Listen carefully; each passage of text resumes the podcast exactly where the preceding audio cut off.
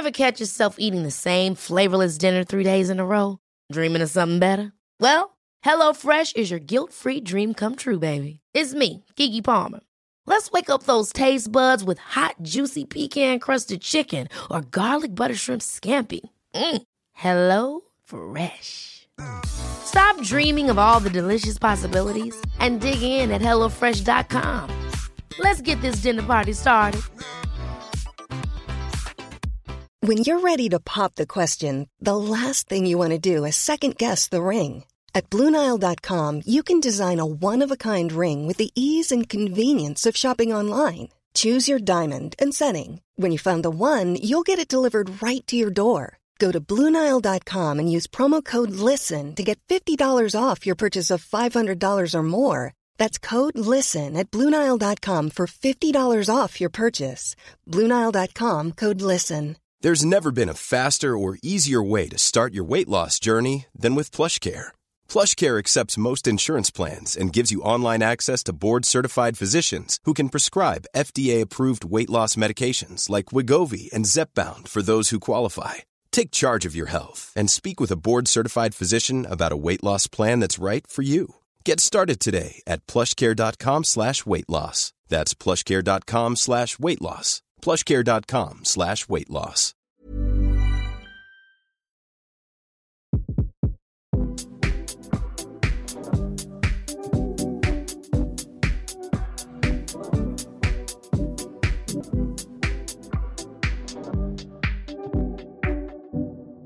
Ok, dette her er jo veldig smalt og rart. Men eh, jeg jobber jo, som mange vet, på Myrens treningssenter på Torshov.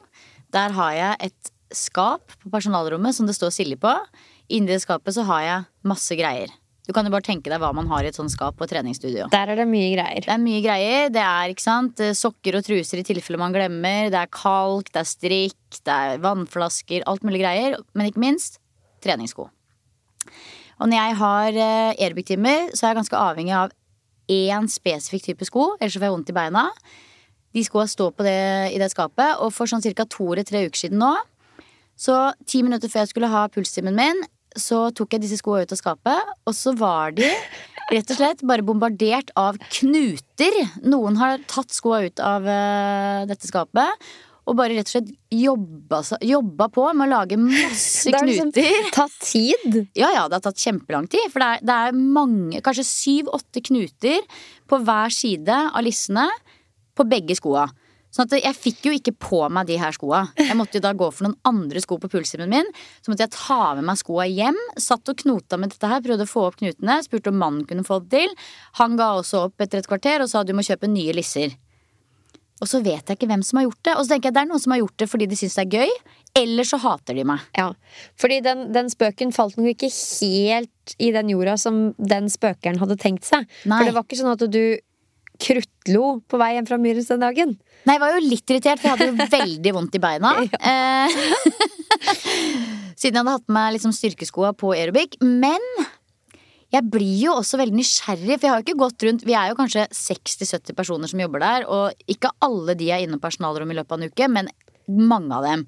Jeg kan jo ikke spørre hver og en er det du som har knyttet listene mine. Og det hadde jeg gjort. Og så hadde jeg sett på øya deres og fulgt med på ansiktsuttrykket deres, fordi jeg kommer til å røpe dem. Greia er, Silje fortalte meg selve dette her på fly hjem fra Mastermania, eh, og jeg har ikke klart å tenke på annen siden, og den mistenkte, sterkt mistenkte, var Alexander Aalerud. Også når han brukte ordet skolisse en, i en av reelsene sine på Instagram, da tenkte jeg at det er ikke noe tvil, det er han. Så nå sendte vi en melding og spurte, men han var bare sånn hæ, hva snakker du om? Så da var det ikke han.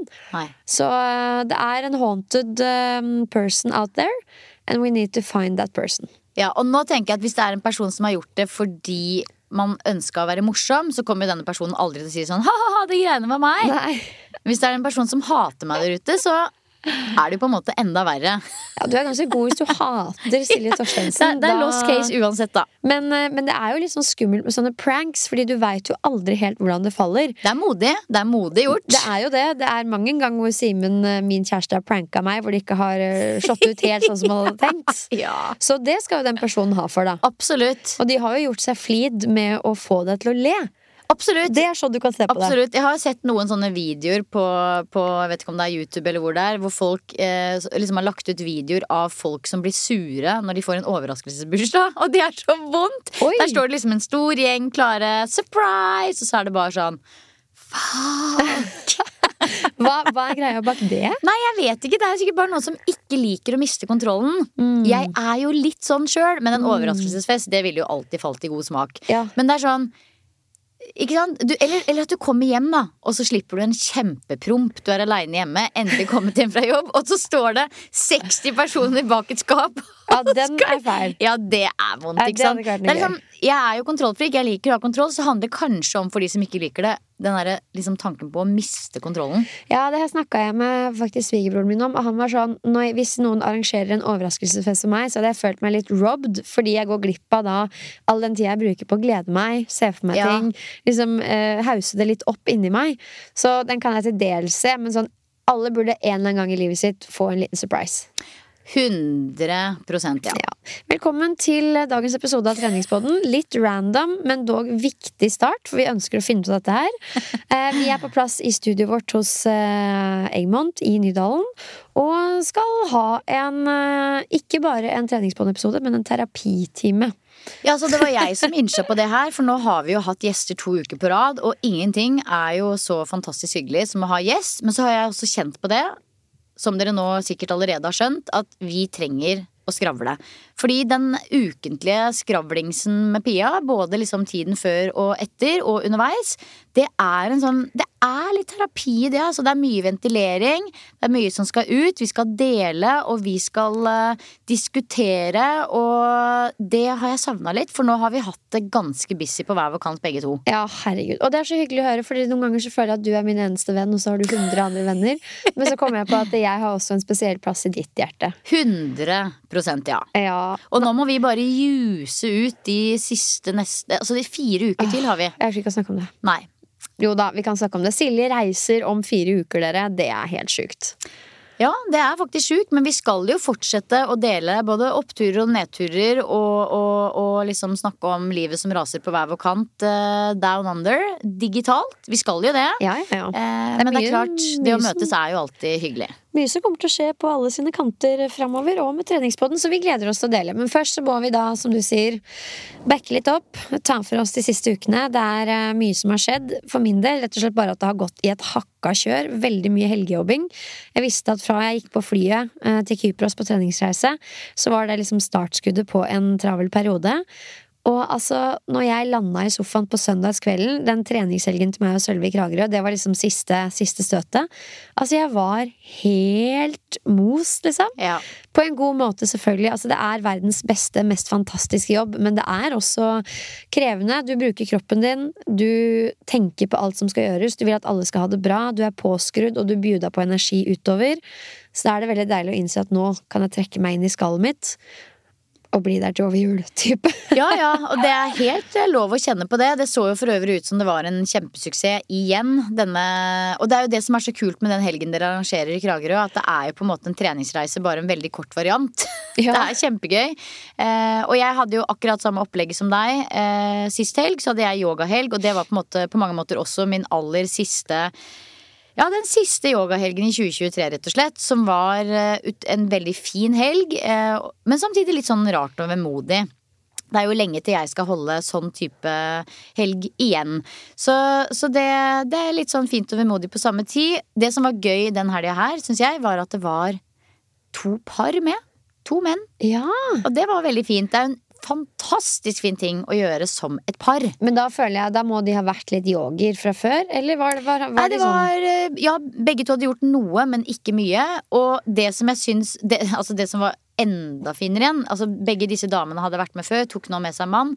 Men det som var veldig, veldig fint, var at jeg tror det var liksom godt over halvparten av de som var med, som hadde vært med meg på minst én retreat før. Så det var litt sånn her eh, En familie som kjente hverandre litt på tur, på en måte. Og det er hyggelig. Og så er det jo alltid noen nye med, men det var helt klart um, overvekt av uh, mennesker som hadde vært på retreat med meg før en eller annen gang de siste tre åra. Så det var, det var kjempefint. Vil du si at det er mest fysisk utbytte, eller er det mest på et mentalt nivå at man får oppladning slash inspirasjon på en sånn eh, yoga. Det som er gøy med dine retreats, er jo at Silje kjører 24 timer. Eh, og det skiller seg litt ut fra Du har jo helger også, da, men det er jo litt nytenkende, egentlig. For vi har jo alle hengt oss opp i veldig sånn 'det skal være en helg'. Mm. Men det er jo superdigg, kanskje spesielt for småbarnsforeldre og egentlig alle som har Det går jo et hakka kjør hjemme. 24 timer kan man liksom ta seg tid til. Ja, det er, eh, det er veldig fint. Det er, det er liksom fordeler og ulemper med 24 timers retreat kontra langhelg eller helg. Jeg liker veldig godt begge deler, men jeg merker jo at den 24-timersen den appellerer jo veldig til den travle småbarnsmoren, for å si det sånn. Så det gir jo på en måte mulighet til en del som kanskje ikke ville kommet ellers. Eh, og om man får mest fysisk eller Jeg tror det er liksom den gode miksen av begge deler, men jeg tror bare det å komme vekk, få litt inspirasjon, litt sånn Eh, litt nye perspektiver, dra på en retreat. Du trekker deg litt tilbake fra det du ellers gjør. Kan kjenne litt på følelser, kan eh, Ja, altså reflektere det- litt. Du trekker deg tilbake fra det vante miljøet og Ja. kan bare være deg. Det tenkte jeg på Ja. treningshelgen nå. Du kan bare tusle rundt i ditt eget vesen og tenke og motta og Ja. bare være. Og det tror jeg vi har veldig godt Og bare møte opp på visse tider. Altså Da er det yoga, da møter du opp. 1930, da er det middag, da møter du opp. Du trenger liksom ikke å eh, du kan fint legge fra deg ganske mye greier hjemme og bare komme og suse rundt og sveve rundt og bevege deg langsomt. Og det, det er jo sånn som jeg har snakka om så mange ganger før, det er jo virkelig noe vi trenger. Nå har jeg akkurat sagt eh, Jeg har ett juleønske i år, og det er at jeg i januar ønsker meg kanskje to eller tre eller kanskje fire netter på hotell. Et sted hvor jeg kan gjøre masse studier. Altså stud bruke tid og sitte på biblioteket. Og gjøre masse yoga. Og bare være alene. Mm. Og det er det jeg ønsker meg til jul i år. Det er en liten sånn ikke, Jeg trenger ikke å dra på yoga-retreat nødvendigvis. Jeg skal det også i, i uh, vår 2024. Men først og fremst bare trekke meg litt tilbake i januar og ha litt tid for meg selv. Med studier, med yogaen sitte og skrive dagbok og bare være i mitt eget lille Silje-univers. Deilig. Dagbok har jeg også begynt med nå. Ja! Jeg prøver meg. Det er jo noe fint ved det. Uh, vi har jo også vært på Mastermania. Der var vi sammen. Og det, der hadde vi jo en hel eh, episode med fantastiske gjester. Men vi har også bare lyst til å snakke litt om det fordi vi fikk testa Jeg gikk ikke på så veldig mye gruppetimer, det skal jeg helt ærlig innrømme. Men Silje testa noe som jeg var veldig nysgjerrig på. Jeg er nysgjerrig på både dama, Johanna Hector. Har tatt meg å liksom google henne i etterkant og, og sniktitta litt på timene hennes. Uh, men spesielt også det du testa som da var lymfeyoga, som jeg tenkte inni mitt stille sinn sånn å herregud, her har man bare tatt, uh, kobla på et spennende ord, lymfe, satt det sammen med yoga, og så er det et konsept, liksom. Men du var jo skikkelig amazed når du var ferdig der.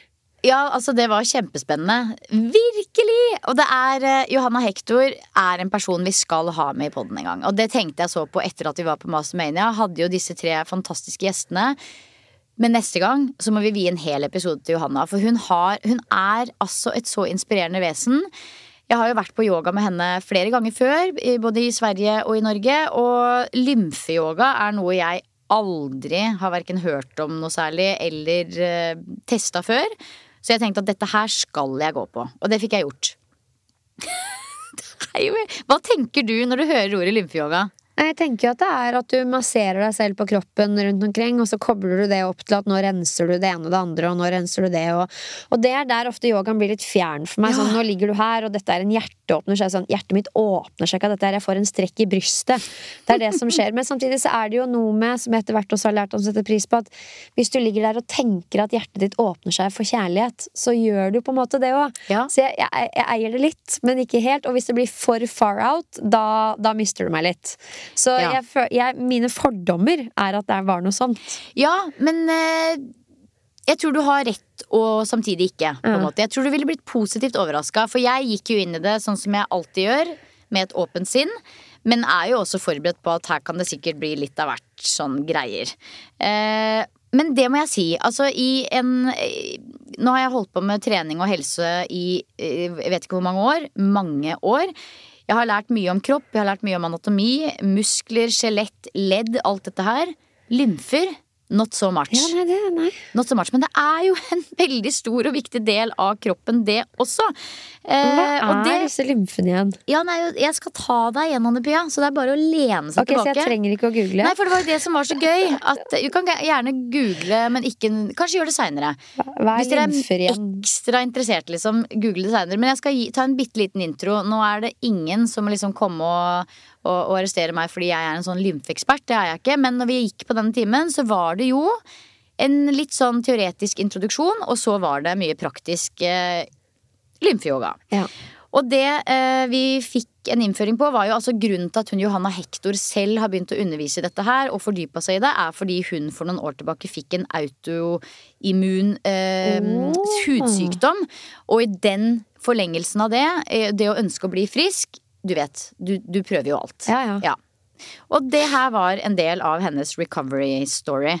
Så lymfesystemet er jo på en måte en litt sånn Det supplerer blodsirkulasjonen og er det som sørger for at det på en måte ikke samler seg sånn overflødig væske. At ikke det hoper seg opp. Du vet når du er- sitter på fly for eksempel og får hovne bein, eller at du får sånn hardt, ekkelt merke der hvor sokken har vært fordi du har hovne bein. Det er jo ikke det at du har liksom masse blod ned i beinet, det er jo væske. Ehm, så det er det som på en måte Altså Lymfesystemet er på en måte et system som utfyller og virker sammen med blodets sirkulasjonssystem, sånn at væske kan flyte fra vevet utenfor blodårene og over i blodet. Så det er jo igjen derfor man blir f.eks. for eksempel hoven. Det kan være fordi du har lite sirkulasjon. Og det gir jo mening. Ehm, og det som også er, er at lymfårene har i oppgave, og det er jo litt, eh, kanskje litt spennende for deg, Pia, å transportere proteiner vekk fra vevet når ikke disse kan tas direkte opp i blodet. Eh, og den tilbakeføringen av proteiner til blodet fra kroppsvevene, det er en veldig viktig funksjon. Og det er jo interessant. Så lymfesystemet har på en måte tre viktige oppgaver, og det er nummer én samle opp overflødig væske. Nummer to fange opp ulike elementer som har liksom trengt seg ut gjennom blodkar. Og nummer tre ta hånd om kroppens forsvar mot virus, bakterier og sånne type ting. Så vi har lymfårer, lymfeknuter og lymfekjertler. Og det kjenner jeg jo igjen. Det er Ja. litt sånn Ja, Alle har er- kjent på hovne Ja, man lymfekjertler. tenker på det. Det er det jeg forbinder med lymfe-lymfe. Ja. Ja, jeg òg. Liksom litt sånn i halsen sånn, så har jeg jo kjent på at jeg har hovne lymfekjertler. Ja. Eh, og det er vel kanskje det jeg har tenkt på før. Og de største samlingene av lymfekjertler de finner du i armhuler, hals, eh, lysk osv. Eh, og de områdene her fikk vi jo da på en måte en slags sånn Vi gjorde yogastillinger som påvirka disse lymfeområdene, og ga oss selv litt sånn egenmassasje. Så masserte litt, klapsa litt, og gjorde stillinger som på en måte var Som skulle påvirke da disse lymfene. Ok, så ja, å bare liksom skape sirkulasjon og gi sirkulasjon til lymfene. Men var du da borti yogastillinger som du aldri hadde testa før? Hvor du var sånn herregud, dette kjentes helt annerledes ut? Nei, men det var på en måte ganske interessant å være i de stillingene og ikke tenke verken anatomi eller liksom ting man ellers tenker på, men bare liksom Her ønsker vi å påvirke lymfesystemet på denne måten. Skjønner. På en måte. Ja. Eh, og det er jo interessant. Altså, hvis, jeg syns jo det er rart at vi ikke snakker mer om lymfesystemet. Det er jo på en måte kroppens renseanlegg. Eh, og det som Johanna da mener, som ikke jeg kan nok om, er at et tregt lymfesystem, eller et lymfesystem som ikke fungerer optimalt, rett og slett, kan bidra til mange utfordringer i kroppen. Blant annet eh, smerter og tretthet og utslett og hovne bein eller andre områder. Cellulitter osv. Eh, og at dette her på en måte er signaler eller symptomer på at lymfestrømmen kan være blokkert. Og det høres jo kanskje litt rart ut, men samtidig så gir det liksom litt mening. Ja, jeg kan kjøpe det, men det er jo også da en av grunnene til at det er så sunt eksempel å trene. Fordi det påvirker, det gir bevegelse i kroppen, og det påvirker blodsirkulasjon, men også da lymfesystemet og 100% Og det er jo nettopp det da at lymfeyoga da på en måte kombinerer bevegelse og stillhet og pust på en måte som stimulerer denne lymfestrømmen, samtidig som du får god restitusjon eh, for både kropp og sjel, sånn som man gjør på yoga. Så jeg kan ikke på en måte vitenskapelig verken bekrefte eller avkrefte at lymfeyoga fungerer.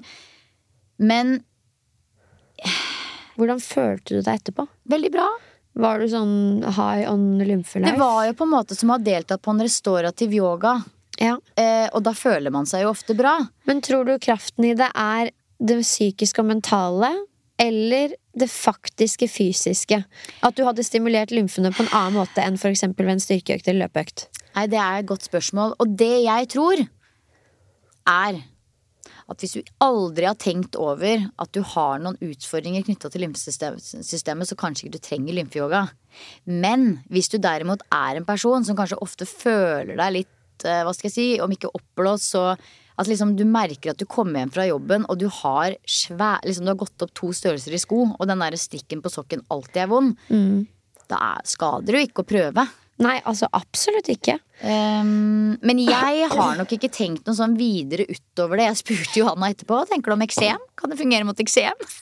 Stresseksemen til Silje. Stresseksemet mitt. Uh, det visste hun ikke. Men, så, men jeg tenker liksom sånn det er jo eh, Det er jo mange som sliter med ulike ting knytta til eh, ja, dette rensesystemet, da.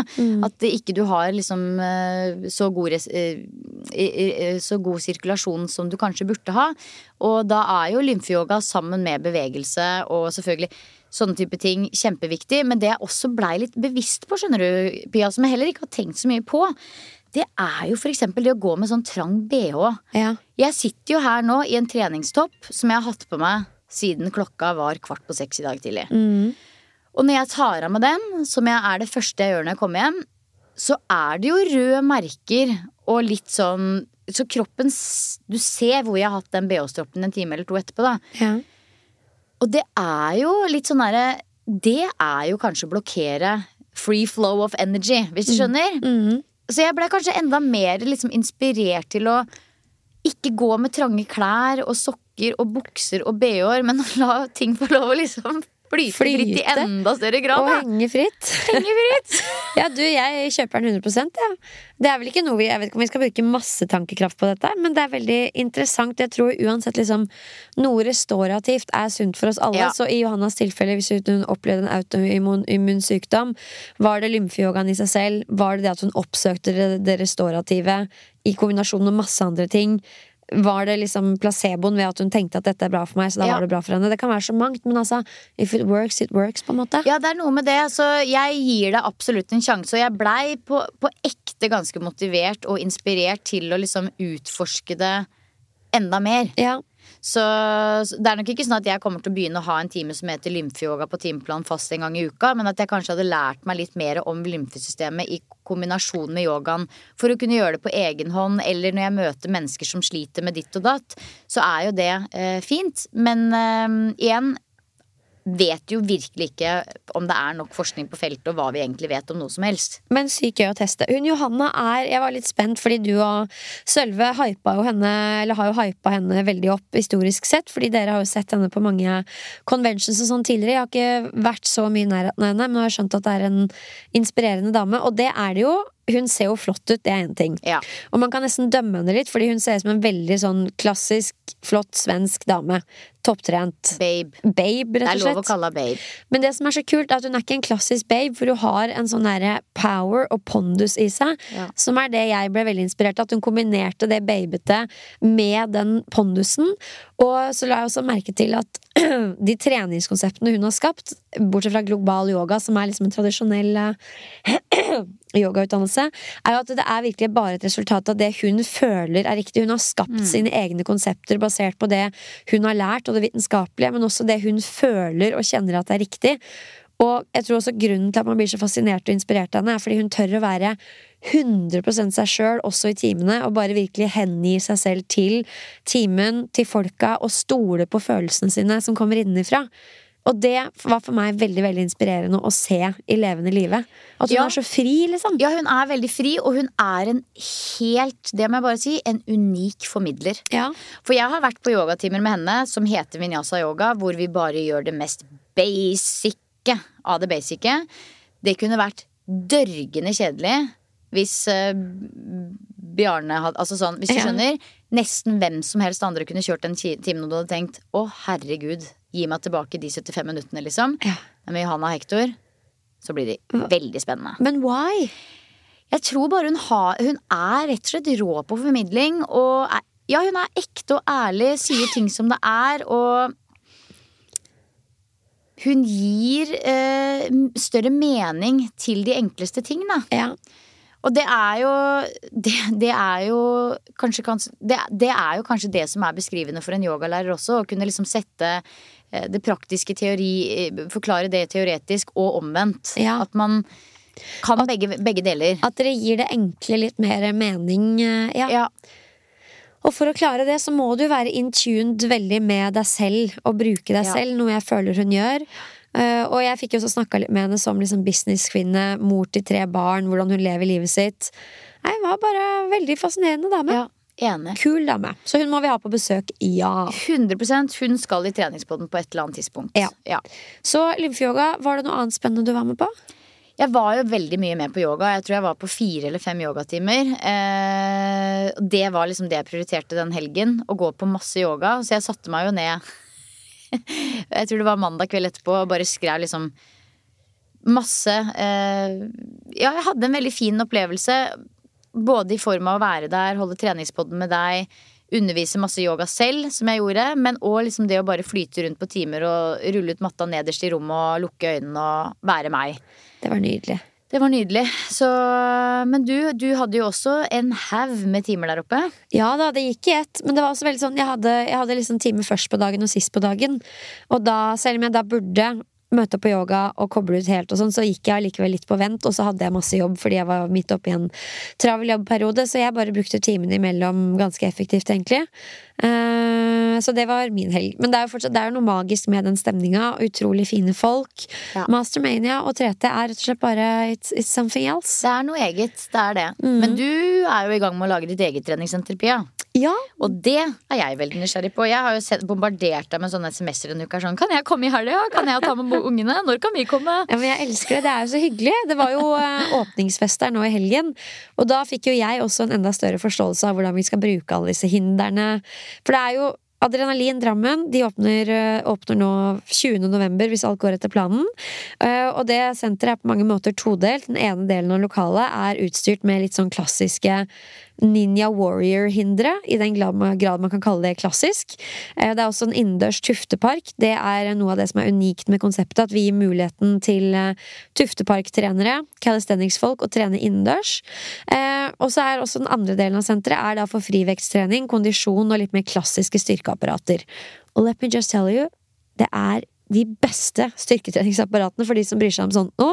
Så det er for virkelig apparater, det er, det er apparater, liksom. det er gode, gamle apparater. Så det er både sånne vektmagasiner, men også sånne plated vektapparater. Ja.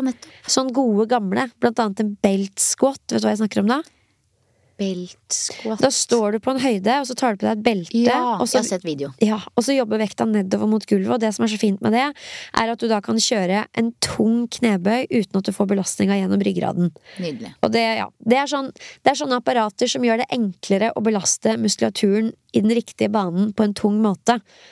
Det er der du skal trene framover. Der skal jeg trene framover. Så Ja. fra og med mandag er det mitt nye treningssenter. Og jeg gleder meg, men det er jo også spennende. Det er jo et ganske sånn nytt, øh, nytt konsept, men øh, jeg føler meg tryggere for hver dag som går på at dette her kommer til å gå veien. Ja, jeg er i grunnen ikke i tvil et sekund. Når jeg ser på, jeg følger jo med på Instagram og Altså, ja. Det der tror jeg kommer til å bli en braksuksess. Ja, jeg hadde på lista at jeg skulle liksom forklare hva hva er hindertrening? Ja. Hinderløpstrening. Det her er jo et senter for de som driver med hinderløp. Og da måtte jo jeg google, for jeg vet da faen hva det, er for noe, egentlig. Um, jeg må understreke at det er litt rollen min her. da Lasse Tufte er jo ekspert på alle disse tingene her, mens jeg dekker da mer gruppetreningssegmentet, styrketrening og den biten. Men jeg kommer jo til å teste ut disse hinderne i mitt eget tempo på et eller annet tidspunkt. Men jeg fant rett og slett ikke noen norsk definisjon på hva hinderløpstrening er. Eh, så det jeg gjorde da, var å google Ninja Warrior, ja. som liksom er det nærmeste vi kommer. Men obstacle race, da kommer det nok opp mer. Ja, det kunne, ja, men samtidig, det er ikke obstacle race heller, Nei. fordi at det er jo masse sånne Det er Ninja Warrior-type hindre. Ja, det er liksom. det det er. For du møter ikke de hindrene der ute på Tøffest. Mange, mange av de, men mange og ikke òg. Og Ninja Warrior det defineres som en sport. This is a sport that values functional strength. The object of the Ninja Warrior is to navigate difficult obstacles and reach the finish, finish line. As a result, imbalanced muscle development may hinder the performance of an athlete. Så hvis du som er ubalansert og ikke klar for alt, så kommer du kanskje ikke til mållinja, for da mestrer du ikke de ulike hindrene. Og så kommer da gutta her til å skru om løypa på hos Adrenalin eh, noen ganger i måneden, så man hele tiden har noe nytt å, å bryne seg på. Ikke sant? Man kan også stå på trappemaskinen og kose seg og se på alle disse apekattene. Noe jeg sikkert kommer til å gjøre de første ukene og månedene. Ja, det er sykt spennende. Det her er jo Ja, dette er jo Altså, jeg, jeg tror på en måte når jeg reiser til Australia, så blir på en måte Lasse Tufte den nye Silje Torstensen i ditt liv. Det, han er utsatt. Han er utsatt, men dere får ikke lov å starte podkast sammen. Nei, det er det ikke noe fare for. Nei. Men vi er ganske like. Sånn, vi er ikke så glad i å prate for mye med folk. Smalltalk er ikke vår greie. Men, Men vi, men smalltalker dere mye sammen, da? Uh, lite smalltalk. Mye deep talk. Nei, ikke så mye deep talk heller, Nei. men bare sånn Det er ekte. Vi holder det ekte. Ja, det gjør dere. Det gjør vi. Så Men er det varm stemning? Uh, Ja, det vil jeg si. Øyekontakt? Kanskje en klem i ny og ne? Ja, ja, ja, det Ja. klemmes over en lav sko. Jeg bare kjenner at jeg er så takknemlig over at jeg har fått lov til å bli tatt med inn i dette her. Og jeg føler også at vi ønsker å skape mye av det samme. Vi har barn på ca. samme alder, vi holder til i nærheten av Drammen. Vi ønsker virkelig å skape det samme. Ja. Eh, og Lasse er en veldig inspirerende fyr med tanke på arbeidsmoral og det han har fått til historisk sett. Ja, gud, ja. Herlighet. At han har sittet hjemme og tegna alle disse hindrene. Ja. Satt opp alle Han må jo nesten ha en slags arkitektbakgrunn. Eller sånn ingeniørbakgrunn. Jeg vet ikke. Jævlig god i paint! Ja. Nei, jeg tuller med det at han liksom har triksa og miksa i paint, men det er jo da andre ting man bruker. Men han er en eh, driftig type, da, kan man jo Ja. si. Så det, er- det er eh, veldig spennende, og jeg er glad for at jeg har et nytt eh, prosjekt og liksom holde meg eh, engasjert med. Mm. Nå som både du og Sølve skal flytte fra Norge. ja. Det som er, er jo at jeg kommer jo veldig fort hjem. Ja, det hjelper. Det, Det går faktisk, faktisk. ganske fort. Det Ja, gjør det. ja. Men jeg føler meg ikke helt trygg på at du kommer hjem. Jo, men det gjør vi. Altså nå Ja, jeg er glad vi har det gule Det gule rekkehuset. For nå har vi jo faktisk flytta inn i det. Ja. Eh, det er jo en egen historie i seg sjøl. Vi flytta inn der eh, for eh, ganske nøyaktig eh, Ja, blir det, ti dager siden nå. Det begynner jo å roe seg litt, men det er jo litt sånn esker overalt og kaos og ikke lys i det rom og noen sover på madrass og sånn. Men, men, eh, men vi bor jo i dette rekkehuset, og jeg ser jo at dette blir gøy. Det blir jo dritfint. Jeg har forresten nå sett din YouTube-video om eh, eh, oppussing. Ja, det har du Og tatt det hadde jeg aldri giddet gjort hvis jeg ikke hadde flytta inn i nytt rekkehus. Yes, det Men vi har også malt kalk. Nei, har dere det? Elsker kalk. Ja, den er kjempefin. Elsker kalk. Så, eh, så Det dere er som nå du skal også male skal si at det var kjempefint hjemme hos meg. Det var kjempefint hjemme hos deg. Og nå kommer du til å tro at jeg bare hermer, men dette her skal vi også ha. Ja, Kjøkkenbenk med puter. ja, skal, ja. ja Men den det- sto der fra før av. Jo, men det er deres vibe. Det kunne jeg sett. At, Det eh, skal vi ha. Og det skal være, vi har liksom målt, det skal være akkurat bred nok til at man kan legge seg ned og ta en middagslur hvis man vil. Akkurat det vi tenkte. Ja. Men vær obs på det at eh, det er litt irriterende å være gjest og sitte der, fordi at det er ikke noen armlener. Men, Ja. eh, men det er nok veldig deres vibe. Det er helt Det, riktig for det er liksom meninga at der skal man ha lyst til å bli sittende lenge. Det blir en egen sone. Ja, det, ja 100 Og når ungene har venner på besøk Mm. og sitter og gjør lekser og ja. Nei, så det, det blir eh, en skikkelig sånn benk med masse puter på kjøkkenet. Så nå har du en god følelse på rekkehuset. Ja, det er nettopp det at hadde det ikke vært for det rekkehuset, så tror jeg kanskje jeg hadde følt litt sånn herregud, skulle vi bare blitt her da? Ja. Men nå har vi dette rekkehuset som vi gleder oss til å komme hjem til. Stor hage vi kan utforske, og liksom Nei, vet du hva, det er ting å se fram til, rett og slett. Badstue. Badstue har vi fått. Velfungerende. Ja, ja, ja. Den, fu- så du, det, er, sant? det er masse å glede seg til. Da er det bare Å, nå vet jeg hva jeg skal kjøpe i innflytelsesgave til dere. Ja. Du vet det? Eh, En saunasession med badstuemesteren Pia Seberg. Men hva trenger badstuemesteren for å fullføre ritualet sitt? Ja, er det sånn der, sånn bjørke... Nei, dere må ha sånn derre kuldebalje. Kuldebalje. Der fikser vi noe spons, sånn at Garth og Silje Ja, kan veksle Vi har badekar rett på utsida. der. Kan man ikke legge seg i badekaret med litt isbiter? Å ja, inne? Ja, ja, saunaen er inne. Oh, jo, Vi har da sauna i er kjelleren. Nei, men herregud, da er jo alt klappet og klart. Alt er klappa og klart. Så det er på en måte en sauna, og så er det et badekar, og så er det en dusj ved siden av der. Ja, vet du hva? Da bare hyrer dere meg inn så snart jeg er hjemme igjen. Det blir ikke ikke billig, men det blir verdt Ja, det. ja, nei, altså, jeg gleder meg. Jeg gleder meg. Nei, altså, det har vært en eh, spenstig periode. Eh, Mantraet mitt i hele november. Hvil når du kan, og det må jeg si. Det har vært et nydelig mantra. Så for alle dere som er drittravle der ute, ta med deg dette mantraet. Hvil når du kan.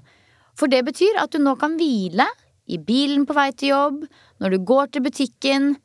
Altså, Du kan hvile litt hele tiden. Eller ikke hele tiden, men du kan hvile litt innimellom. Ja. Så hver dag, selv om det går back to back, så har du muligheten til å hvile. Men da, det betyr også at da må man legge fra seg telefonen. Legg Legge fra fra seg telefonen, hvil når du kan, og så får du et par minutter her og der. For den telefonen gjør, hvis du sjekker den hele tida hvert lederminutt, så er du hele tiden i framtida. Jeg skal bare gjøre det, jeg skal bare sjekke Ja. det. Det, er- det er greit det hvis du liksom er sånn jeg jobber, så nå gjør jeg det. Men det er veldig mye hvile i å bare legge det bort og bare gå hjem fra jobben, se på julelyset. Ikke tenk på noe, tenk på alt mulig. Bare vær. 100% Og det er jo det som også er i en litt sånn artig periode hvor det er litt hektisk. At liksom, vet du hva, det går faktisk helt greit å nummer én sove litt lite og ha litt vel mye, så lenge man nummer én hviler når man kan, og nummer to ser i kalenderen at det blir bedre. At det blir bedre. Ja. Det er som et intervall. Det går over, du får pause. Ja, rett og slett. Så bare det å hvile litt i den første kaffekoppen, Ja. nydelig. Ja. Altså, i dag hvilte jeg når jeg skrapa ruta på bilen, hvis du skjønner. Ja. Sånn. ja ikke sant? Det hadde startet med et valg. Ja. Veldig, veldig yogi, yogisk ting av deg å si. Men uh, Ja. that's where, who you are. Ja. Og jeg liker det. Men det er jo, altså det må jeg si nå, det, det, sånn, det var en ting jeg tenkte på idet vi skal gå inn i denne episoden og ha en terapitime sammen. Og liksom snakke om at det er mye på agendaen uten å klage. For det er jo egentlig Ever catch yourself eating the same flavorless dinner three days in a row? Dreaming of something better? Well, HelloFresh is your guilt free dream come true, baby. It's me, Gigi Palmer. Let's wake up those taste buds with hot, juicy pecan crusted chicken or garlic butter shrimp scampi. Mm. Hello Fresh. Stop dreaming of all the delicious possibilities and dig in at HelloFresh.com. Let's get this dinner party started. Quality sleep is essential. That's why the Sleep Number Smart Bed is designed for your ever evolving sleep needs. Need a bed that's firmer or softer on either side? Helps you sleep at a comfortable temperature? Sleep Number Smart Beds let you individualize your comfort so you sleep better together. JD Power ranks Sleep Number number 1 in customer satisfaction with mattresses purchased in-store. And now, save 50% on the Sleep Number limited edition Smart Bed for a limited time. For JD Power 2023 award information, visit jdpower.com/awards. Only at a Sleep Number store or sleepnumber.com. Hey, it's Ryan Reynolds, and I'm here with Keith, co star of my upcoming film, If, only in theaters, May 17th. Do you want to tell people the big news? All right, I'll do it. Sign up now and you'll get unlimited for $15 a month in six months of Paramount Plus Essential Plan on us. Mintmobile.com slash switch. Upfront payment of $45 equivalent to $15 per month. Unlimited over 40 gigabytes per month. Face lower speeds. Videos at 480p. Active Mint customers by 531.24 get six months of Paramount Plus Essential Plan. Auto renews after six months. Offer ends May 31st, 2024. Separate Paramount Plus registration required. Terms and conditions apply if rated PG. mye fint med å ha mye på agenda nå. Absolutt. Ja. Ja, men jeg er alltid så fanga i det der. Eller ikke, men jeg er bare sånn, når jeg har lyst til å klage og være negativ, så tar jeg meg selv i det. Fordi hvis du tenker på det litt annerledes, så er det plutselig ikke noe negativt lenger. Men man må samtidig ha lov til å si at jeg er jæklig sliten, Ja. liksom. Ja, absolutt. Og vi har hatt perioder nå, vi begge to, hvor vi har vært uh, felg. Men nå er vi på vei opp av ja. felg. Og det handler jo litt om at man ser også litt lys i tunnelen, på en måte. At det åpner seg bitte litt i kalenderen på et eller annet tidspunkt. Ja, men nå var jeg sånn at jeg måtte langt ned før mm. jeg kunne begynne å komme opp igjen. Ja. Eh, For noen ganger så får du mest, mye energi bare sånn idet det er over. For det er sånn, nå er det over ja. Mens andre ganger så er det sånn Du må hente deg inn. Supert, da skal jeg bare legge meg i vater i 48 timer, og så kan Ja. vi stige opp igjen. Ja, men det tror jeg vi trenger alle sammen. Nå holder jeg faktisk på å lage et kurs som jeg skal publisere på nettsiden min. Jeg håper jeg får det til i løpet av desember, fordi det er Og det var sånn, hva skal det kurset være? Jo, selvfølgelig. Det skal være et hvilekurs. Ja. Altså et kurs med masse yin-yoga, restaurative mm, avspenningsteknikker og nidrar. Fordi folk har altså så mye nå. Ja. For det er liksom alt det som skal eh, alt som skal i mål før jul, pluss alt det sosiale kjøret som begynner nå. Ja. Så det er liksom Du kan kalle det hvilekurs, eller så kan du la kalle det ladekurs. Jeg tror det heter Rest, rest and Restore. Rest and Et sted for deg som trenger et sted å lande. Den var fin. Jeg tror faktisk det er det det blir. Ja, den satt, den. Et sted for deg som trenger et sted å lande. Og det trenger liksom vi. Og vi trenger noen som gir oss beskjed. Altså Vi trenger å sette på play og få sånn beskjed om at nå skal du hvile. Nå skal dette skje. Det er jo det som Ja, er så og deilig. at, og at det å hvile er produktivt, på en måte. Det er for å kunne være både kreativ og motivert, som er over, mentale overskuddsfenomener, så må man kunne hvile litt innimellom. Ja. Og det å liksom kunne faktisk vite hvordan du hviler på en bra, eh, smart måte, det gir overskudd, som igjen bidrar til at du er både kreativ og motivert. Og da blir man jo jækla effektiv når man har med seg de to tinga der. Så det er liksom Man blir faktisk ganske effektiv og produktiv av å vite hvordan man skal hvile, da. Ja, Istedenfor å bare være i sånn her limbo hele tiden, hvor du sitter foran PC-en og jobber på halvt tolv Ja. fordi du kjenner at jeg er egentlig ferdig, men jeg bare sitter her og mater på, liksom. Ja. 100% med på den. Rett og slett. Men du, jeg har også fått med meg at du har fått kjeft på sosiale medier. Jeg har fått kjeft! og valgte jo å blåse det opp, da. Så Ja, Men det var jeg forberedt på. Eller jeg var forberedt på at kjeften skulle komme. Og det er, jeg syns også det er en kjempeinteressant prat, så det er jo derfor jeg valgte å løfte det litt opp og fram. Men eh, lang historie kort. Jeg satt hos frisøren, eh, og så sjekker jeg da gjennom kommentarer på et innlegg som da var henta ut av en lengre YouTube-video der jeg svarte på diverse spørsmål. Og i akkurat dette spørsmålet så snakka jeg om kaloritelling. Så i så måte tatt litt ut av kontekst, for jeg svarte det at jeg kommer, aldri, jeg kommer ikke til å holde på med kaloritelling i hele livet, men akkurat nå gjør jeg det som en del av samarbeidet med ernæringscoachen min, da. Og da var det et par stykker som kommenterte under liksom sånn Ganske brutale greier. Sånn, 'Dette hadde jeg aldri trodd om deg'. Ikke gjør forholdet for unge jenter til mat mer anstrengende enn det trenger å være. ja og det her var på Instagram. Det var på Instagram. Eh, og jeg føler den 100 Skal jeg lese kommentaren, eller blir det mye? Ja, Den personen som har skrevet den, har den fortsatt der ute? Ja, ja, ja. De har jo ikke tatt den bort. Nei. Ja, da tenker jeg jo at da er jo det offentlig eie, også i treningspodden. Ja, ja, ja. Eh, skal vi se her Eh, Men altså, det er jo titalls som støtter meg, så det er ikke noe sånn Det er ikke noe sånn at jeg er sår på dette her. Jeg bare syns at det er gode perspektiver. Ja. Men det er jo brutalt. Nå kommer den. Dette hadde jeg aldri trodd om deg. Jeg har alltid digga og fulgt deg fordi du har vært så avslappet, i hvert fall utad i matveien, så dette var bare trist. Er det virkelig nødvendig å dele at du teller kalorier? Vil du være en av de som gjør at jenter får et forskrudd forhold til mat? Det hjelper ikke at du sier det er for en periode. Din syke tåler det kanskje, andre gjør det ikke. Du var virkelig et stort forbilde for mange innen mat og trening. Eh, og at det går an å se ut som en million, trene, leve sunt uten en loggbok og kalkulator. Ja. Uh, så er det en annen. Jeg heier på deg lenge, men akkurat dette er et blindspor, et farlighet. Gi F i å telle kalorier. Bare tren og spis variert. Livet er altfor mye krav for unge jenter allerede. Jeg, hvor, jeg sier bare sånn enig, enig, enig, men samtidig så de som kjenner det lenger i historien, vet jo at uh, dette er en del av en større reise. Jeg har valgt å dele den. Uh, og så skjønner jeg at man har et ambivalent forhold til det å telle kalorier. Det har jeg også. Men jeg har valgt å dele det og gjøre det fordi jeg ønsker å walk the talk, teste det, for å så ta et valg på om hvorvidt det er noe jeg har lyst til å anbefale folk å gjøre som en del av en kostholdsreise, da.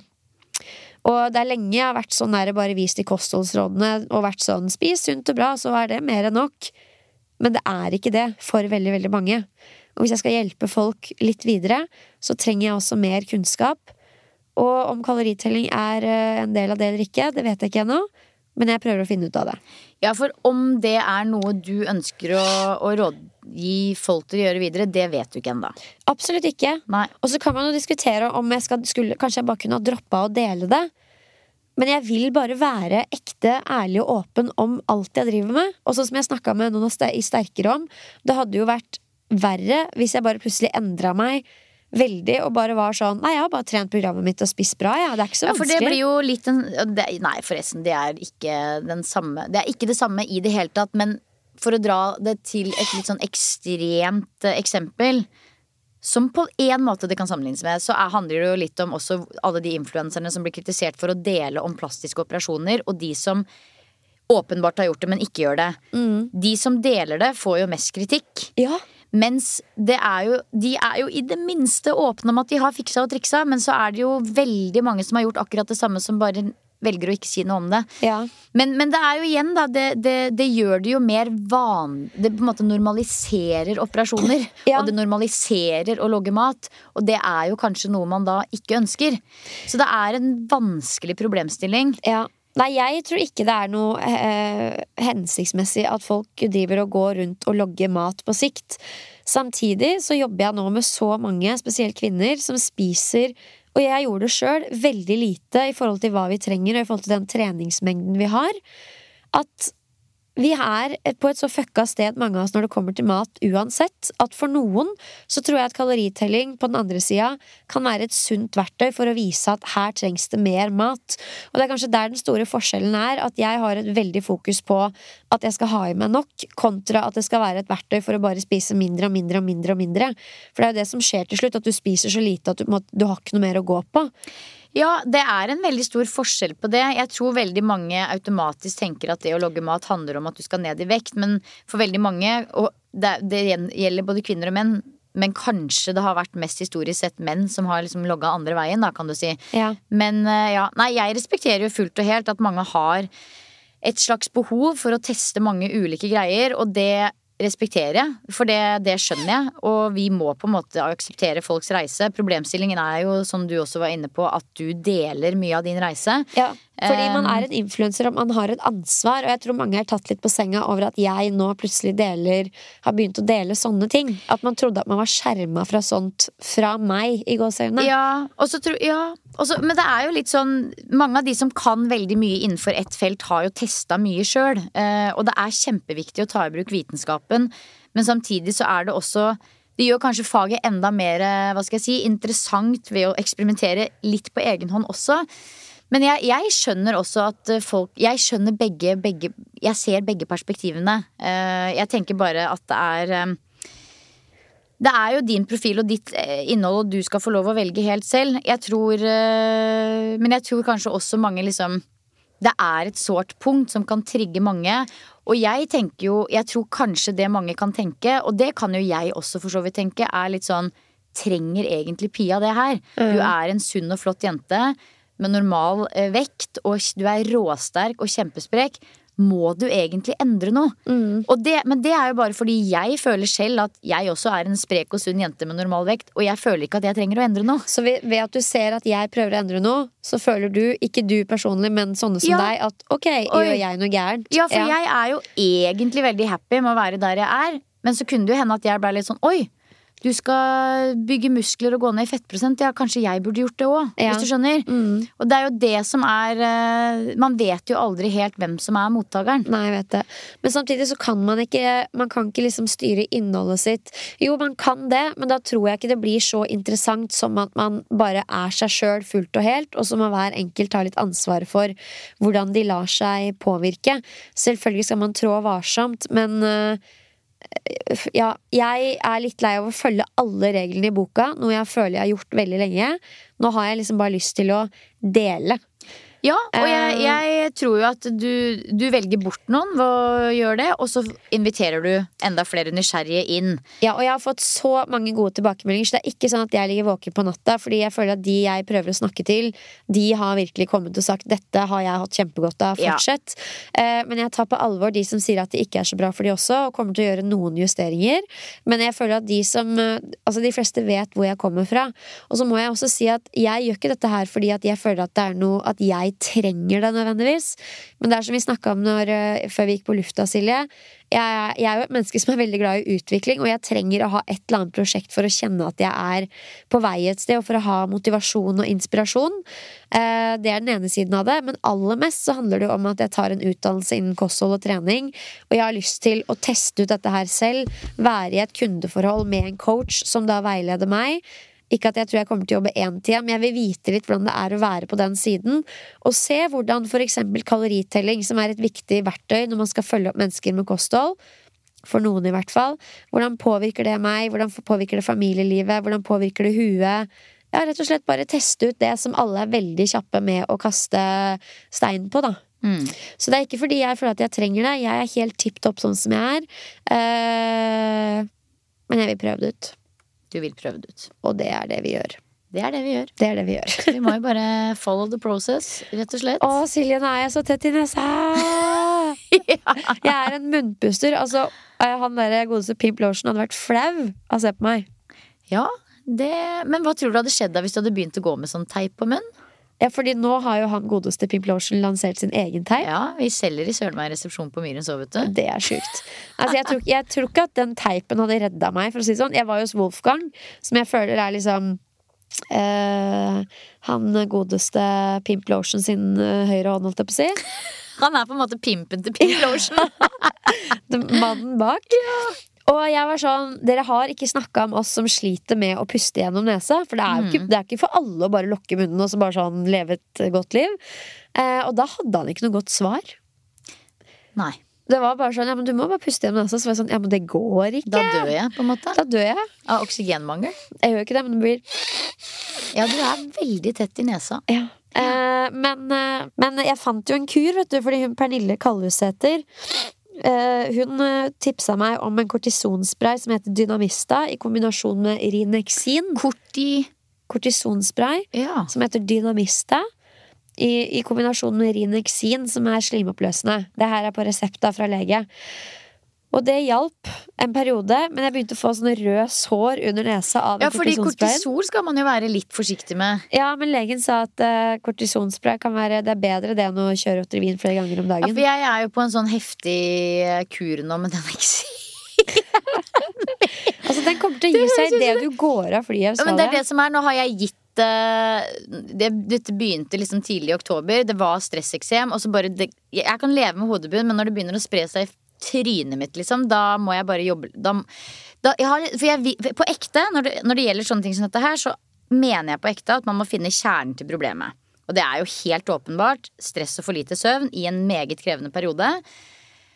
Men nå har jeg liksom kjent at sånn de siste fire ukene jeg er hjemme, så kanskje det hadde vært digg å føle seg litt fresh. Så jeg bare tenker jeg kjører en sånn bitte lita en ukes hestekur nå, bare for å liksom bli kvitt det. Og det funker jo, ikke sant. Nå har jeg gjort det i to dager, og det funker. Ja. Eh, men To jeg er dager? Gikk det så fort? Ja.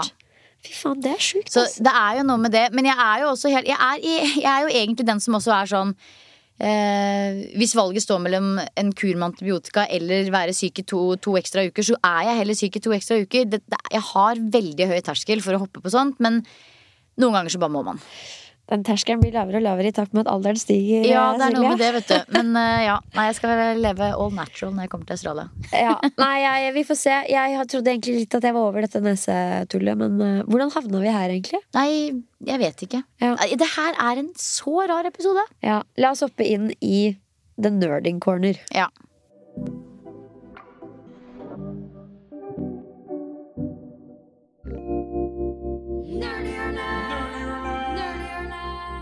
Like the nerds we are.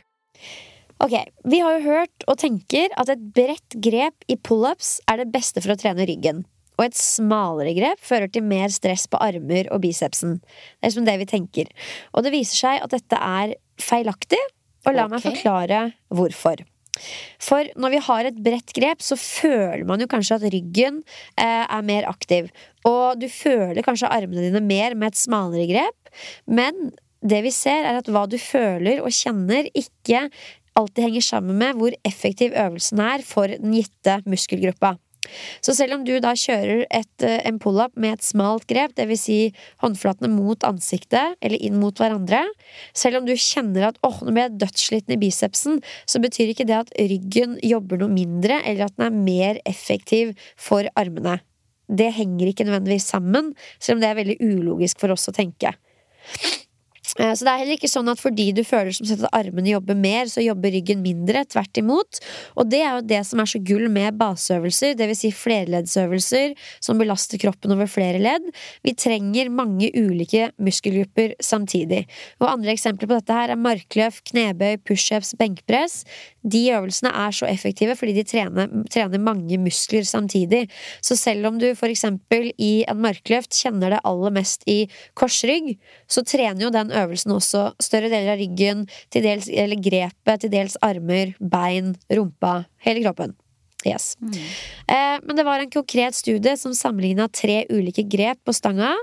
Et ganske bredt et, litt smalere og helt nøytralt, altså hele tiden med et overhåndsgrep, der man så liten forskjell i muskelaktiviteten ved de ulike grepene. Og det har blitt bekrefta av flere andre studier i etterkant. Det har ikke blitt funnet noen signifikante forskjeller mellom for eksempel et nøytralt grep og et bredt grep. Men hvis du mener, altså de fleste PT-er vil jo liksom slå fast at her er det en vesentlig forskjell. Hold det grepet for å påvirke sånn, det grepet for Ja, å påvirke jeg sånn. har jo også sagt den setningen tusen ganger, sikkert. Ja, ja, ja, jeg òg. Og det er ikke helt feil, eh, men det er ikke helt riktig heller. Og grunnen til misforståelsen ser ut til å være altså basert på følelser. Det at man kan kjenne armen jobbe mer på den ene eller den andre måten, og eller syn. For det ser ut som armene jobber mer med et eh, supinert eller nøytralt grep, kontra når du da har dette overhåndsgrepet. Og det er mest sannsynlig noe av grobunnen for at vi sier dette her, da. Og som sagt, selv om man kjenner det mer i armene, eller du ser i større grad at bicepsen jobber, så betyr ikke, betyr ikke det at det er tilfellet. Eh, og grad av aktivitet når man gjør forskning på dette her, det måles jo med elektroder på de ulike muskelgruppene. Eh, og så er det ikke sånn at fordi det er mer eller mindre aktivitet i en muskelgruppe, at det er mer eller mindre muskelvekst, men det sier jo absolutt noe om aktiviteten, og dermed hvilke resultater du får. For oss er kanskje det viktigste uh, take home messagen er at vi ikke trenger å tvinge oss igjennom den ene framfor den andre pull-up-varianten fordi gåseøynene den er bedre for rygg. Eh, man kan heller velge det man prefererer.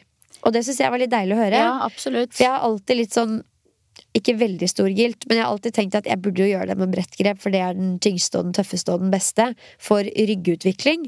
Men det er jo ikke nødvendigvis det, da. Jeg er jo faktisk motsatt, men det tror jeg handler aller mer enn noe annet om hva man er vant til å gjøre mest av. Det er det som er diggest, liksom. Men syns ikke du at med bredt grep er mye tyngre enn med, med Det er det som er så sjukt. Altså, jeg er ganske sikker på at hvis jeg hadde testa den dag i dag, Mhm. chins eh, mot pullups på stang, så hadde jeg klart flere pullups. Jøss, det er veldig fascinerende. Eller nei, det er ljug. Fordi jeg har jo klart eh, faktisk flere chins når jeg har testa en pullups. Når jeg tenker meg om. Så du sitter der og ljuger? Ja, nå satt jeg og jugde. Fy søren. Ja. Ljugeklubben skal begynne å kalle denne på den her. ja. Eh, men det er, der, det er lurt altså, å utfordre seg selv med trekkbevegelser i ulike plan. Men da kan man eksempel slå seg til ro med at man fint kan eh, kjøre en bred nedtrekk med et overhåndsgrep, og heller fokusere på chins med et nøytralt grep eh, som foretrukket styrkeøvelse, da, som du skal ha fremgang i. Så det er altså ikke sånn at du bruker mer armer og biceps når du har et smalere grep kontra- bredere et. Det er en myte. Det var en spennende myte. Ja, det var, eh, det var litt sånn Holdt det litt enkelt i dag, men samtidig ganske viktig. For jeg til den dag i dag også er sånn til gjengen min sånn Nå trener du mer armer og biceps Ja, og absolutt. Det, har jeg, det, det, det sier jeg òg. Det, Ja. det har jeg gjort tusen ganger. Så det var jo egentlig dette er, Ja, for det her er kurset som du går på nå, ikke sant? Ja. Ikke sant? Så jeg tar et uh, PT-kurs uh, i regi av en som heter Menno Henselmans, som er en eh, dyktig forsker og fyr som elsker å fordype seg i nettopp forskning. Så jeg legger ved kilden til akkurat det jeg sier nå. Det er rett og slett en video der hvor han viser til masse forskningsartikler, og så kan de som vil dykke litt inn i den på egen hånd. Veldig, veldig bra. Men uh, de få av oss som klarer nøytrale og supinerte chins, kan da gjøre de med god samvittighet, og ikke ha dårlig samvittighet for at vi ikke velger det brede Bortsett fra deg som den eneste personen i verden som syns at den er lettere. Ja, tydeligvis. Tydeligvis. Begge deler er jo fint. Bytte på litt. Ja. Perioder med alt. Du, jeg har også litt sånn styrketreningsboost, faktisk. Hvis vi skal over i den. Oi! Er det at du klarte muscle-ups i dag? Nei. Men hvis du ser på kamerarullen min, så ligger det vel sånn kanskje åtte videoer der, da, av jeg som tror at jeg skal klare muscle up. Nei, du trodde ikke det. Nei, for jeg gjorde det aleine. Jeg må ha en liten heiagjeng Vet du der. Jeg tror at Hvis du gjør det med Tommy, så kommer du til å klare det. Ja, ja, ja, ja, ja. Jeg, skal, jeg har rekruttert en heiagjeng neste uke.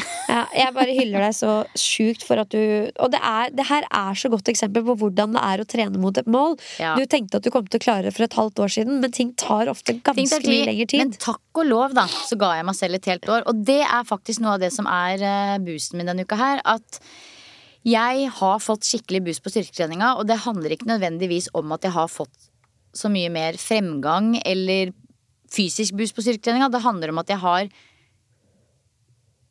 tilrettelagt og gjort meg sjøl noen tjenester, sånn at det føles bra. Eh, for jeg har hele høsten egentlig bare liksom følt at jeg liksom bare løper eh, etter styrkeprogrammet mitt, hvis du skjønner, og aldri rekker å fullføre alle øvelser. Eh, jeg har rett og slett vært det vi kan kalle for en tidsoptimist eh, med styrketrening, som jeg mistenker at veldig mange er. De setter opp et program, eller følger et program, som har x antall øvelser som krever masse tid og så har man ikke den tiden. Sånn at det blir på en måte aldri sånn at du klarer å sjekke alle øvelsene hver uke. Og det gikk noe god følelse. Så det jeg gjorde, og det er jo mange uker siden nå, nå har jeg holdt på i fem uker med dette programmet, er at jeg bare var sånn Jeg skal lage et så basic styrkeprogram at det er umulig å ikke klare det hver uke. Og masse, masse ekstraøvelser istedenfor. Det er rett og slett en egen sånn greie på programmet mitt der det står 'extra'. Ja. Og så kan jeg huke av de isteden. Og det har vært så deilig, fordi ja, ja, den eneste intensjonen jeg har med programmet, er det er umulig å ikke rekke det på en uke. og det gjør at For det gir så dårlig følelse å aldri rekke gjennom. Og det å liksom alltid kunne sjekke av at jeg har gjort alle øvelsene jeg skal denne uka her, dette er mer enn nok for å liksom holde meg på stedet hvil og til og med få litt fremgang, det er det jeg har hatt behov for i en veldig krevende periode. Og det har funka. Det gjør at jeg liksom kjenner at jeg koser meg med styrketreninga. Ja. Og jeg får jo fremgang! Og du klarer mest sannsynlig å pushe mer på de utvalgte viktige øvelsene òg, fordi du vet 100%. at eh, det er ikke liksom 14 andre som jeg skal gjøre etterpå. 100% Så det er egentlig tipset mitt til alle dere som føler litt på samme måten. At de liksom aldri helt rekker igjennom, og i tillegg vet at det blir et sosialt maraton nå framover med juleavslutninger og juleforestillinger og julekonserter og julebord og gudene vet hva. Det går an å gjøre dem sånn at du liksom faktisk rekker igjennom. Eh, for det gir en mye bedre følelse. Og som du sier, jeg gir jernet på hver øvelse. Og det er digg. Men jeg har et spørsmål. For nå har jeg holdt på med dette Smith-stativet hver Ja. mandag. Ja. To øvelser i Smith-stativ. Knebøy og bulgarsk. Hvor mye veier stanga i smittmaskinen? Nei, fordi at det, det har jeg på, nå, det jeg har gjort med Smith-stativet, for det er jo bare Heldigvis er det omtrent det samme hvert uke, men det er jo helt forskjellig alle sammen. Ja. Men det er at jeg, jeg skriver ikke opp Jeg skriver bare hvor mye jeg legger på stanga. Yeah, that's the right way Det to er det jeg hol- forholder meg til. Ja. Men det er jo litt interessant, for på noen steder så er det sånn at du liksom stang, altså, Den er skrå? Nei, men hvis stanga står liksom Hvis du slipper, ikke, ikke hekter den over, så bare zzz, snegler den seg nedover. Da veier den jo ingenting. Ja. Men hvis den liksom faller ned, Ja. så er det jo litt vekt på den. Ja, men det er jo to ting. Det er hvor mye den faktiske stanga veier, men også liksom når den sist ble smørt. Hvordan Ja, er glir stanga. Det er, ja, så det Det er, er tusen ting. Men uansett, her er det store spørsmålet. Dette er jeg spent på. Det gjelder jo ikke bare den øvelsen her i smittstativ. Det gjelder jo alle utfallvarianter. Tar du pause mellom høyre og venstre bein? Herregud, ja.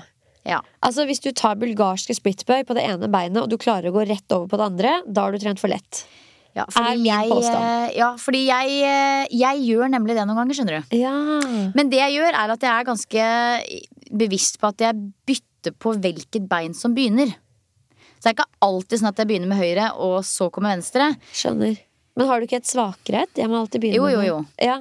Burde alltid begynne med det svakeste. Ja, Nei, men du trenger ikke nødvendigvis like lang pause som eh, Ja, Det blir jo noen pust uansett, men jeg går ikke ut av stativet og surrer rundt, liksom. Å, gud. Nei, jeg eh, tar ganske Trenger en god pause der, ja. hva er god pause? Eh, minst ett og et halvt minutt. Ja.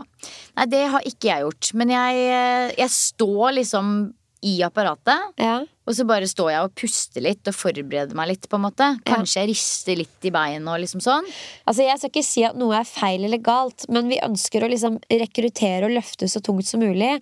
Og sannsynligheten er større for at du hadde klart å løfte mer hvis du tok dine åtte tunge reps, og så liksom gikk ut og måtte sette deg ned. Det er jo et indikasjon på at nå har du løfta tungt, kontra at du Ja, liksom nei, At jeg må sette meg ned, det må jeg ikke. Nei. Det gjør jeg aldri. Jeg setter meg ikke ned mellom setta. Det gjør jeg Nei, faktisk det, ikke. jeg rusler litt rundt, da, men jeg jeg trenger definitivt pause mellom den ene og den andre siden. Ja. Ja. for det er ikke sånn at du går og liksom spør Unnskyld, har dere en stol jeg kan ta med meg inn? Det er sånn der old school styrkeløftefølge som har med seg sine egne klappstoler. Ja. Nei, der er vi ikke. Nei. Men uh, jeg har fått stadig mer respekt for, uh, for de pausene. Og istedenfor å se på det som en tidstyv, så er det heller det som er ladninga som trengs for å klare å takle Ja, den meg, tunge det handler ikke nemlig om at jeg er så redd for den tiden. For meg så er det den mentale mobiliseringen. At det må gjøres dobbelt så mange ganger hver gang jeg jobber på ett bein. Ja, det skjønner jeg. Men når du da først har valgt en ettbeinsøvelse, så må du jo stå i det. Ja, jeg, så ja, det er jo Det er greit. Da skal jeg ha med meg deg som mental PT neste gang jeg står der. Og Ja, eller be Alexander Aaler å komme bort til deg og si noen motiverende ord. Ja, eller det. Det kan du også gjøre. Men altså, vet du hva? Det der er eh, Ja, ikke sant? For Men det, betyr- det er veldig Men digg å ha hvor mange sett tar du med bulgarsk split, da? Tre sett. Ja, for det holder jo. Det holder, ja. Det holder. Hvis du For det betyr at du må nok. mobilisere deg mentalt seks ganger. Ja. Men jeg elsker bulgarske splitbay. Jeg bare føler at den, eh, den tar Mm. Jeg syns der den er bedre i smitt og gjort på den måten jeg har gjort det i høst, enn det den er med å bare stå i løse lufta, holdt jeg på å si. Det syns jeg. Ja. Men at jeg elsker den, det gjør jeg Nei, altså det er jo elsk-hat, men jeg bare føler at det, den, den treffer på de rette områdene. Kontra en knebøy som er sånn Å, dette er jævlig tungt. Jeg veit aldri helt om jeg gjør det akkurat litt som jeg gjorde i går, men nå prøver jeg. Ha det. Ja, og så ja. er det ned, liksom. Ja. Det er så mange feilkilder i knebøyen, mens med splitbøy så er det, i hvert fall i smitten, så er det bare å banke på. Ja. Men ja, uansett, det er min boost. At jeg endelig har på en måte hodet over vannet på styrketrening. Og det er ikke fordi at jeg trener så sykt mye, men fordi jeg har eh, Justert forventningene. rett og slett Og det er trikset, det store trikset i den sesongen vi går inn i nå. Og det jobber jeg veldig mye med med meg selv og de andre som følger Sterkere-programmet. Fordi folk er veldig sånn enten-eller. Ja. Og de har betalt for dette programmet, og de er sånn 'Jeg må klare alt. Hvordan kan jeg bare ta de fire øktene på samme dag?' Så er det sånn, det er jo ikke noe poeng, fordi vi trenger den pausen imellom. Mm. Og det er så viktig å erkjenne at i noen perioder så får du ikke gjort absolutt alt. Da må du bare justere ned, men fortsette å gjøre noe.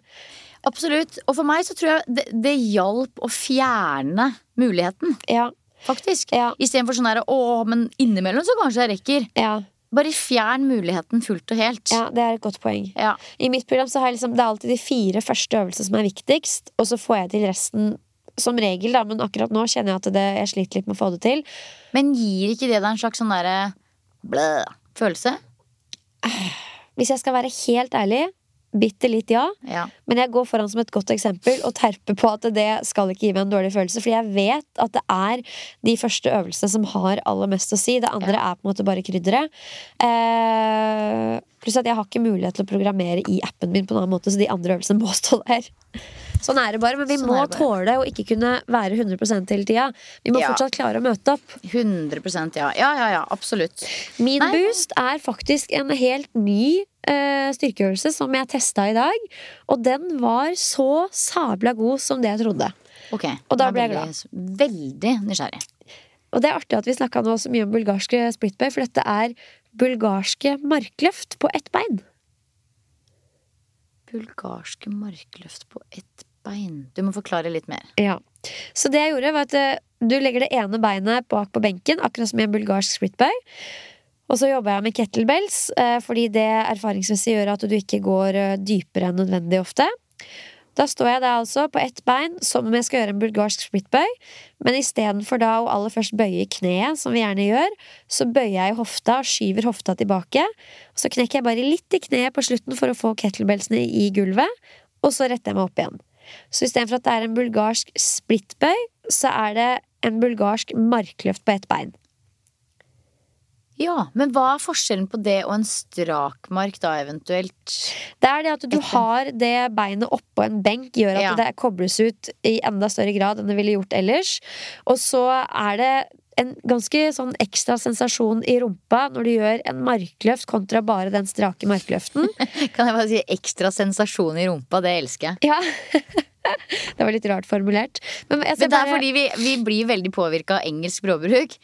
It's a physical sensation. Ja, det er der det kommer fra. Ja, for jeg, jeg har fått kjeft for det her, for jeg sier mye fysisk Ikke sant? Fornem, kjenn på de fysiske sensasjonene. Ja. Så da kommer det noen som er norsklærer og sier sånn Unnskyld, men det ordet finnes ikke på norsk. Har det skjedd? Jepp. Herregud. Og da kan du forklare deg med at my man is Australian. Australia Ja, da sier jeg bare sånn Fuck you. Ja, Det er det Silje sier. Eh, men uansett, bare prøv det. Den, jeg skal programmere den inn ikke før i januar i Sterkere. Men de som ikke, de få som ikke følger programmet, ta og så test ut det. Bulgarske markløft på ett bein med kettlebells. Og bare feel the burn i ratatan. Ja. Kan også gjøres med stang.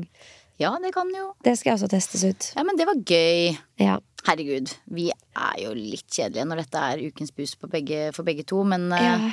Altså For å være helt ærlig så var det en boost at jeg kom meg ned i kjelleren og gjorde en treningsøkt i dag. Men jeg tenkte at uh, det går liksom ikke an når du er på det åttende året på treningsbåten. Jeg kom meg ned og gjorde en økt. Men det var en boost, fordi det satt så sjukt langt inne. ja.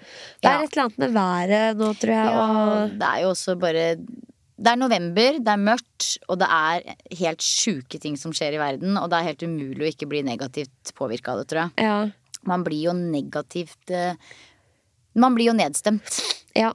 Ja det også føles det jo ganske meningsløst ut. Man får jo et sånn uh, fugleperspektiv på ting. Bare sånn Ja. hva, Hvor viktig er egentlig den økta mi, liksom? Why? Mm. Men så tenker jeg sånn Hvis ikke dette, hva da?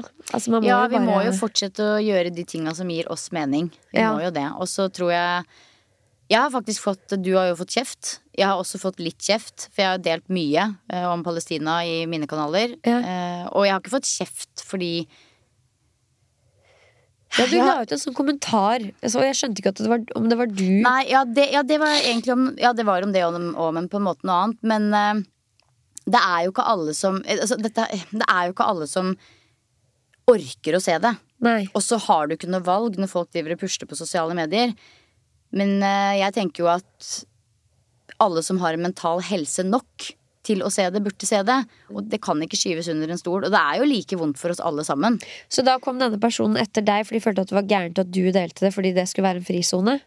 Ja, og fordi at man liksom Det er ikke noe warning, på en måte. Når du går inn på nyhetene, så vet du at nå kan det hende jeg ser døde barn, Ja. på en måte. Ja. Du har tatt et aktivt valg om at nå setter jeg meg her for å se på det. Og jeg, jeg skjønner det litt, men samtidig så, så jeg har kanskje vært litt sånn mer forsiktig i forhold til hva jeg deler. Men at vi kan, men at vi kan dele at vi ønsker en våpenhvile. Det må folk tåle. Ja, ja, ja. Altså, jeg, jeg er jo 100% enig med deg om at vi kan ikke ta ansvar for alle der ute og hva de måtte føle og mene om det vi deler. Nei, og så føler jeg på en måte at når det eneste vi kan gjøre er å dele det og snakke om det, så må vi jo for faen gjøre det. Ja, ja. Det tenker jeg, for ellers så føler jeg på enda mer maktesløshet. Ja. Om jeg ikke skal få lov til å gjøre det. Ja. Så, men jeg er helt overbevist om at de aller fleste som kjenner på nedstemthet i november, kanskje ville gjort det uansett, men gjør det enda mer Ja. med alt det som skjer nå. Vi får bare fortsette som vi pleier, sette ekstra pris på det vi har, kjøpe oss julebrunost og bare tenke at livet er nå. Ja, Og samtidig møte opp utafor Stortinget og vise hva vi vil, Ja. og hvor vi vil. ja. Ja. Og med det eh, logger eh, hummer, hummer og kanari ut fra dagens episode. Det var jo en god terapisession, da. Absolutt. Jeg trengte det. Ja. Og jeg tenker jo kanskje at det er litt deilig òg, apropos at ikke alt trenger å være liksom eh, Det er jo kanskje litt deilig å bare koble av med løst og fast også. Ja, altså det, Når jeg hører på podkaster, så er det det beste jeg veit. Ja. Harm og Hegseth, for eksempel. Jeg vet ikke hvorfor jeg hører på de, men jeg hører på de bare fordi det er så deilig med ja, løst og fast. Løst og fast. Ja. Eh, takk for at dere hørte på. Og så snakkes vi neste uke. Ja, det gjør vi. Ha det! Ha det godt.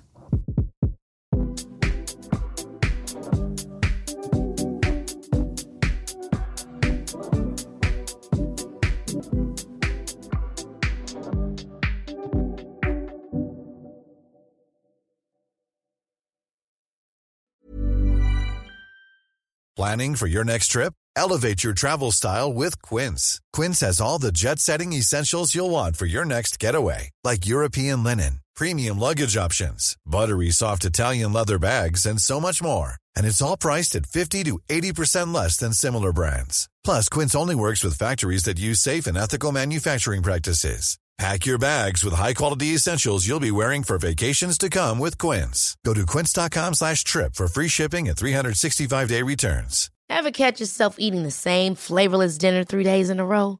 Dreaming of something better? Well, HelloFresh is your guilt-free dream come true, baby. It's me, Kiki Palmer.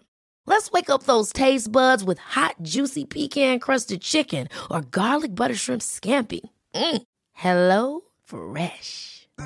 Stop dreaming of all the delicious possibilities and dig in at HelloFresh.com. Let's get this dinner party started. Planning for your next trip? Elevate your travel style with Quince. Quince has all the jet setting essentials you'll want for your next getaway, like European linen, premium luggage options, buttery soft Italian leather bags, and so much more. And is all priced at 50 to 80% less than similar brands. Plus, Quince only works with factories that use safe and ethical manufacturing practices. Pack your bags with high-quality essentials you'll be wearing for vacations to come with Quince. Go to quince.com/pack for free shipping and 365-day returns.